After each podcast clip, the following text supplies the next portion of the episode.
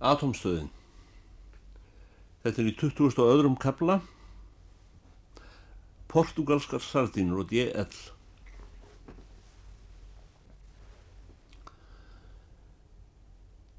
Táknræðin viðburður sögulegar þýðingar hefur gerst í æfi þjóðarinnar, saði presturinn. Í dag er þessi afskekti dalur aftur miðdebill þjóðlífsins eins og fyrir laungu þann dag sem ástmögur þjóðarinnar var borinn í reyfum hér í Istridals kirkju. Stríðsmaður íslensks frelsis og skáldvors anda er aftur heima í dalsínum. Þrenning vor ástarstjarnan, rjúpan og fívilbrekkan helsa á ný þeim vini sem blind þjóð tindi í útlendum gardi í hundrað ár. En meðan hann fólst þar undir öngvum steini rættust allar hugssjónur hans og sérhver málstafur Íslands sigraði. Íslenska líðveldi hilsar. Það var svo sem ekki um að villast. Presturinn okkar var búin að taka saman líkræðuna og farin að prófa hann á mér. En elsku sér að trösti minn, sagði ég, þegar hann hefði látið dæluna ganga um hríð. Í okkar hugum hefur hann aldrei dáið.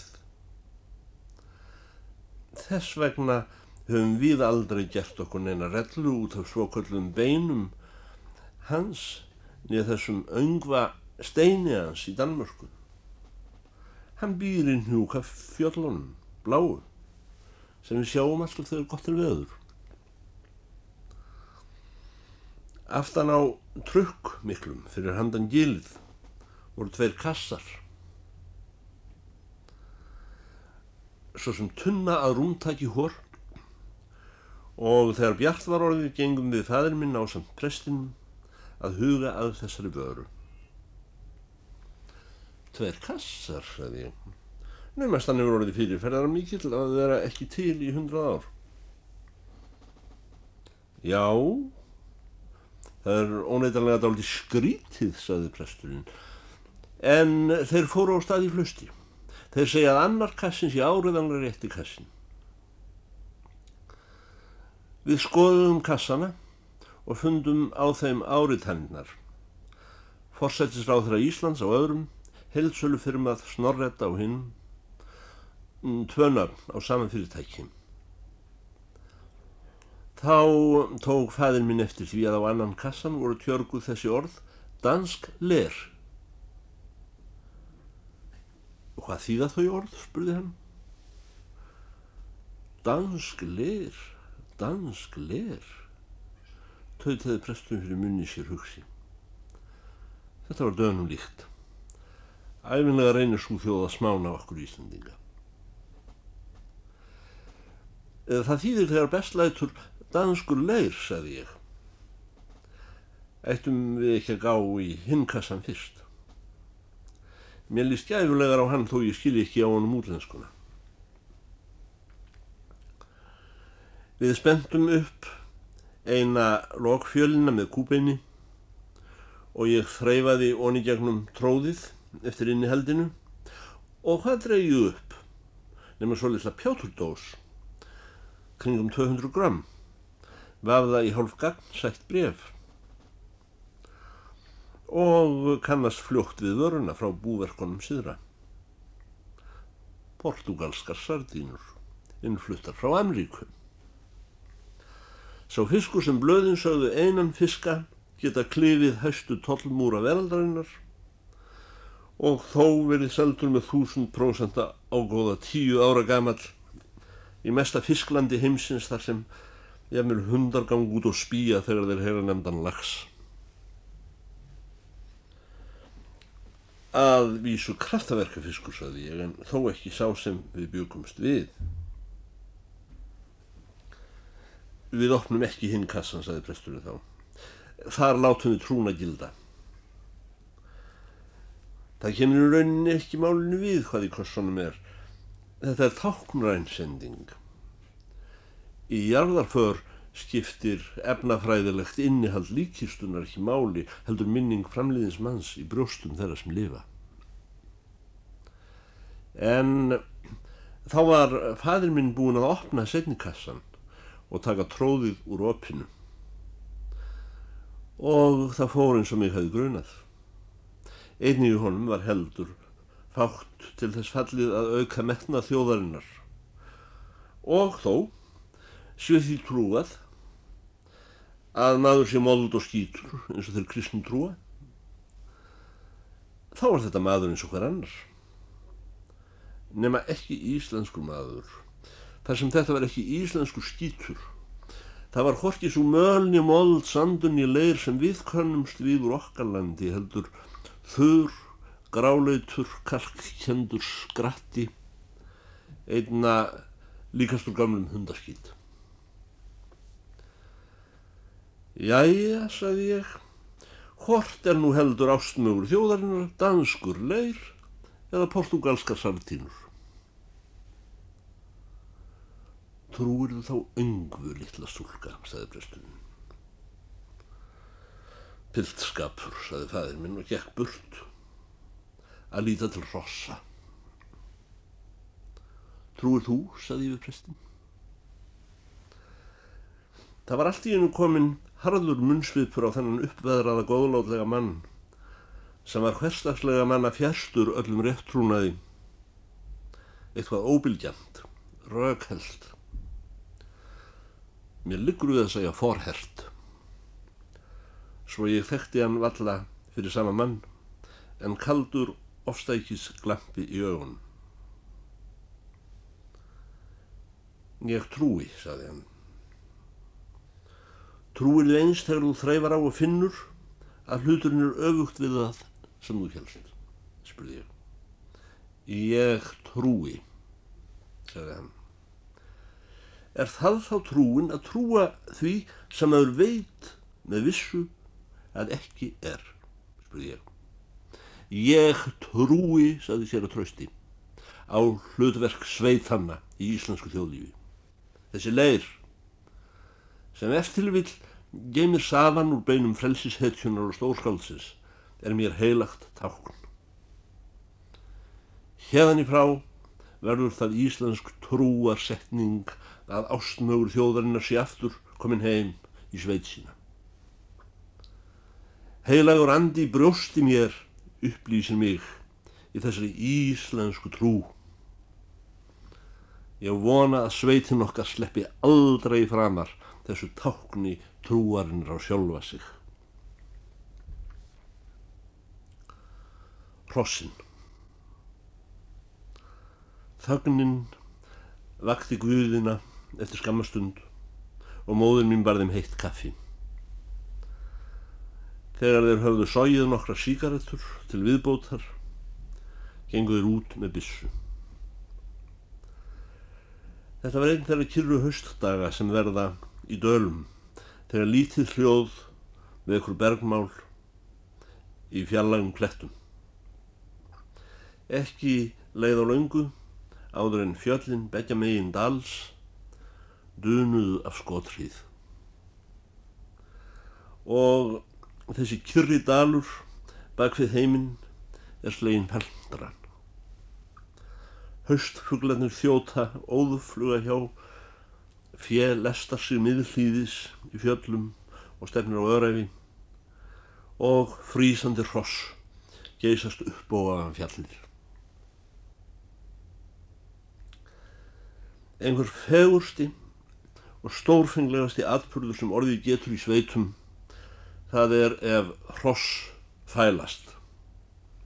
Einhver mörg í hóp götutillingur hefur flóið hjá.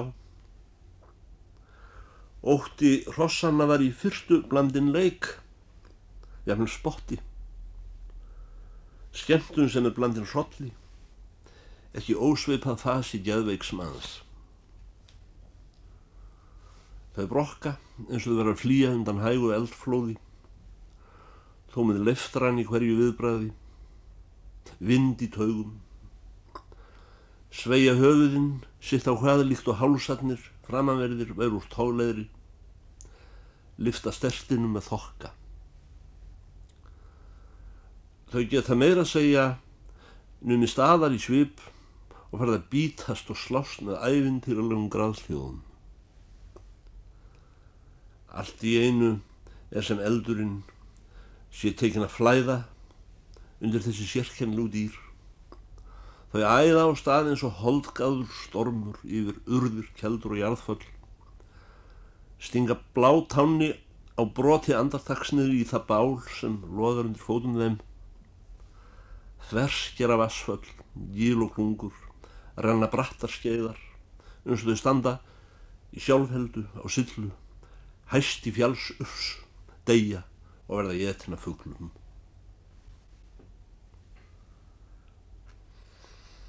Guðinni kom aftur undir hádegi. Þeim hefði tekist að skjóta einn dilk og dróðu hann á milli sín ofan fjallið. Briljantín þessi eini lútar nútímans, jafnu vígur sem heimilisfæðir og útþýðar í trúalegra lendardóma fyrir tilverkna andans, formaði ekki að koma heim tómhendur til konusinnar og tvíbura. Fadir minn þreyfaði meira á lampinu og þekkti markbóndan okkur svo sveitinni. Hvað þetta myndi koma fyrir síslumann, nema þeir legðuð fjö fram og yrði borið við slísi. Þeim fannst örðugkenning að ekki skildi meg að skjóta kindur þær sem hlupum fjöllin. Spurðu á hverju bændur livðu ef ekki mætti skjóta fjö. Skömmu síðar veldu þeir kossunum ofan af truknum og kolluð á prestin að koma. Ekkert haggað þeirri samfæringu sér að trösta að þeir veru verkfæri aðri krafta, ef ekki ofinbjörnum guðdómsins eins og þeir sjálfur sögðu. Hann sagðist vera lúthersku prestur og trúa þeim sem letu stjórnast af heilugum anda beint og skildurittningarnar ánmilligungu páfans.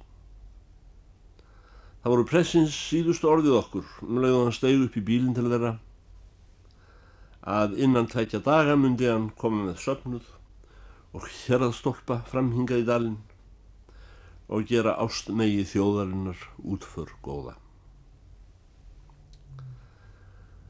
Eftir nánari umhugsun hætti stóðið við að fælast nokkuð ráði, en stiltist og fór að býta í heimahögum á grönd og eiri eða í túninu heimdur gardi. Ég stend við gluggan í dagsbyrstu hausins sem lætur dögt og kvikt sjást skýrar en byrsta annara ástíða. Já, mikið er rossið vel tálguð skefna.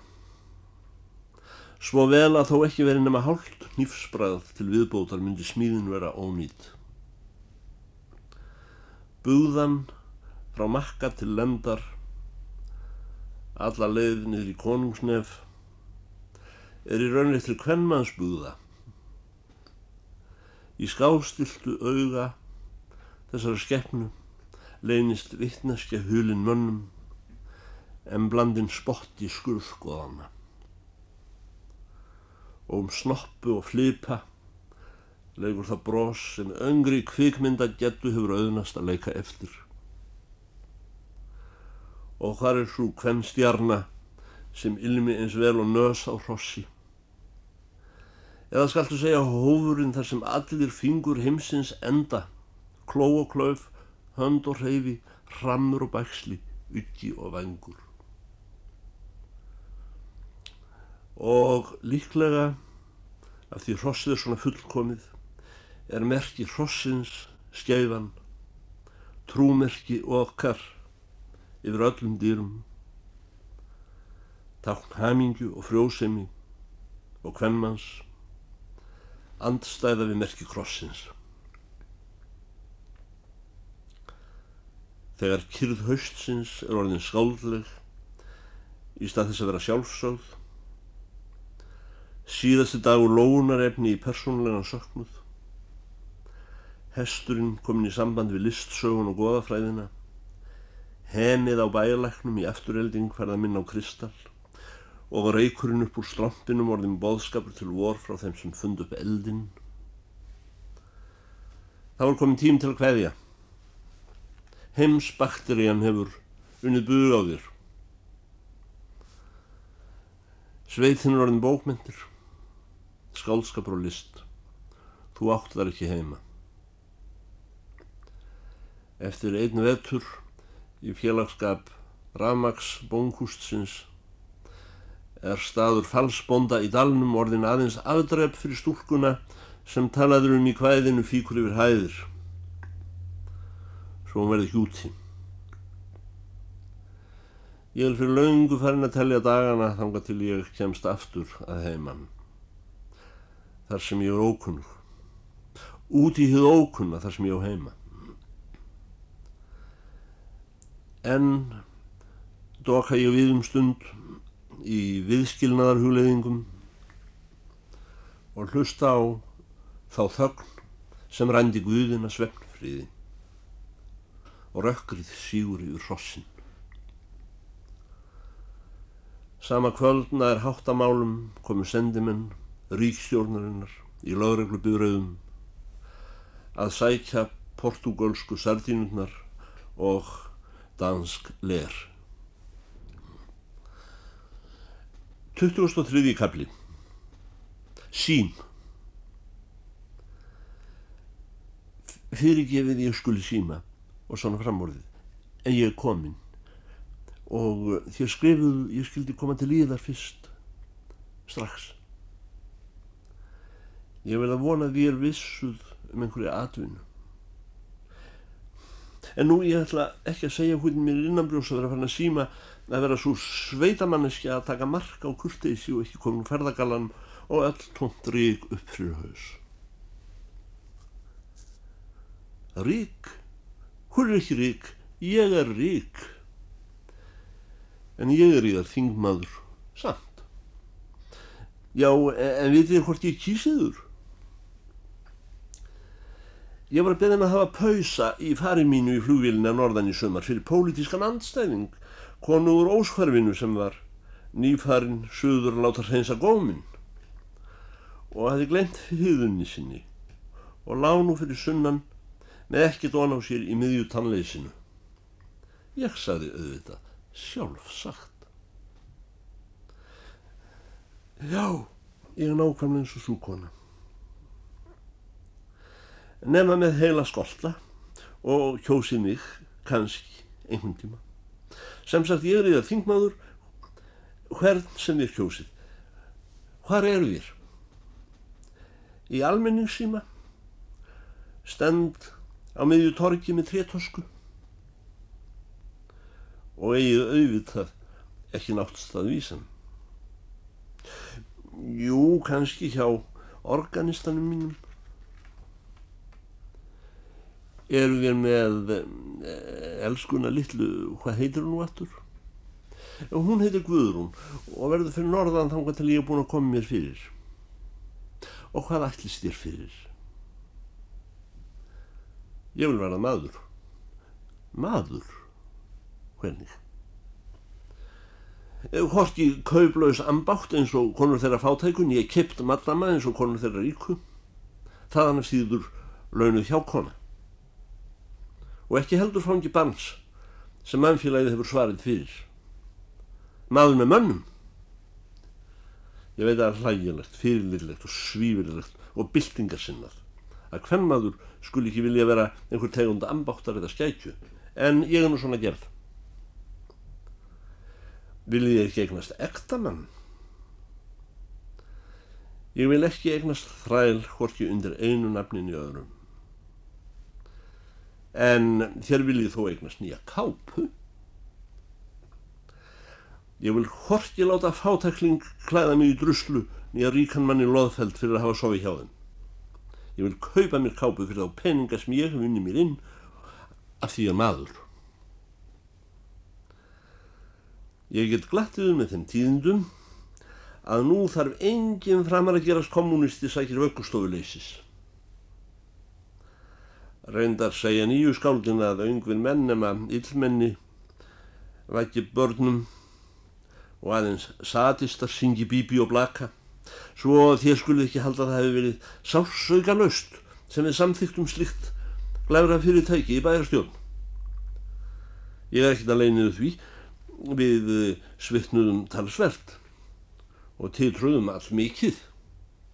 Með að segja fróðu feldum, lítilsáttar og, og kona í, í gæsalöpum var líka búin að marg skrifa í blöðin hvert neyksli það væri að láta vakka börnum kommunist á almenningskostnað.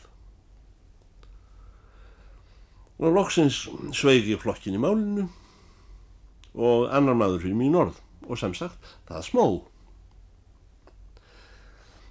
Jæja, þá ætlum ég að hverja og þakkið fyrir mig.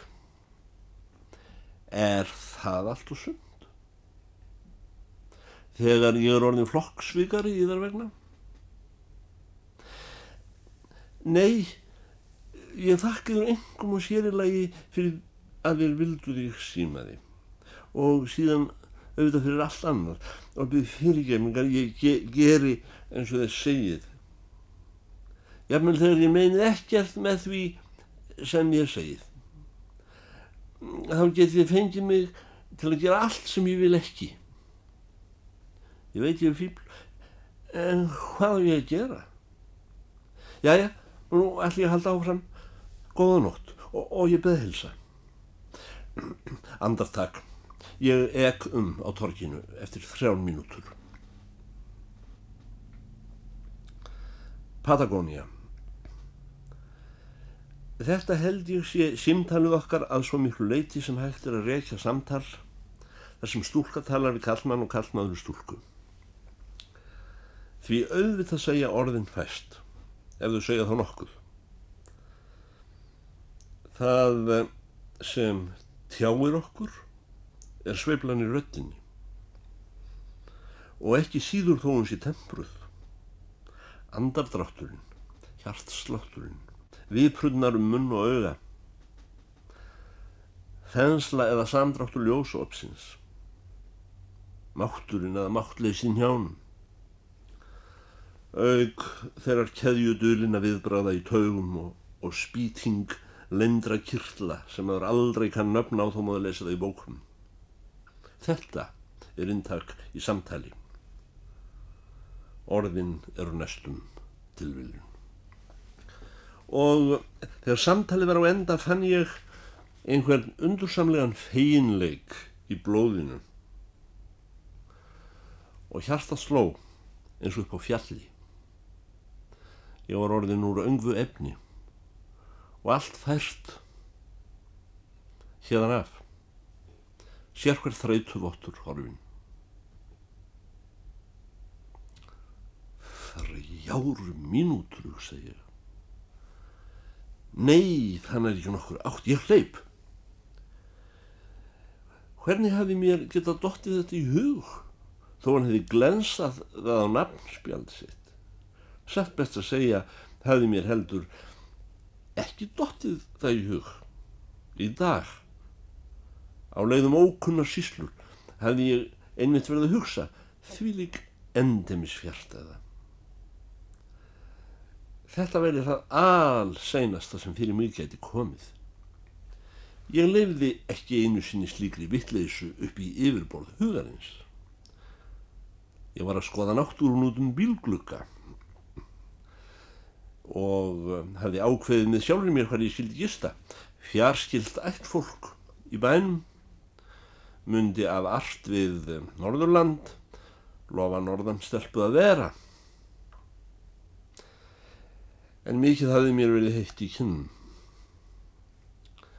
og ekki kom ég niður matarbita í þrem síslum nema karamellu og rópvatni í borgarsfyrði í ferjunni frá Akranissi starði á mig forljót kona hvað sem ég fór.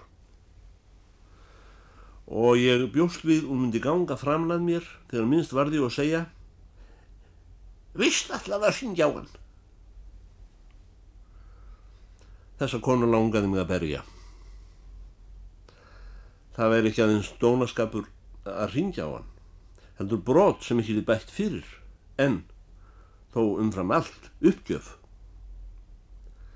mér líkur við að segja hinsta uppgjöf. Svo skilðislösa uppgjöf sem tala verum í stríðinu og engin sigur getur komið á eftir. Aldrei. Ferjan rennur upp að hafnabakkanum og hvað er orðið af þessari ljótu konu? Hún er horfin. Og ég gekk á land að ferjunni bent að þessum útísíma á torginu og ringdi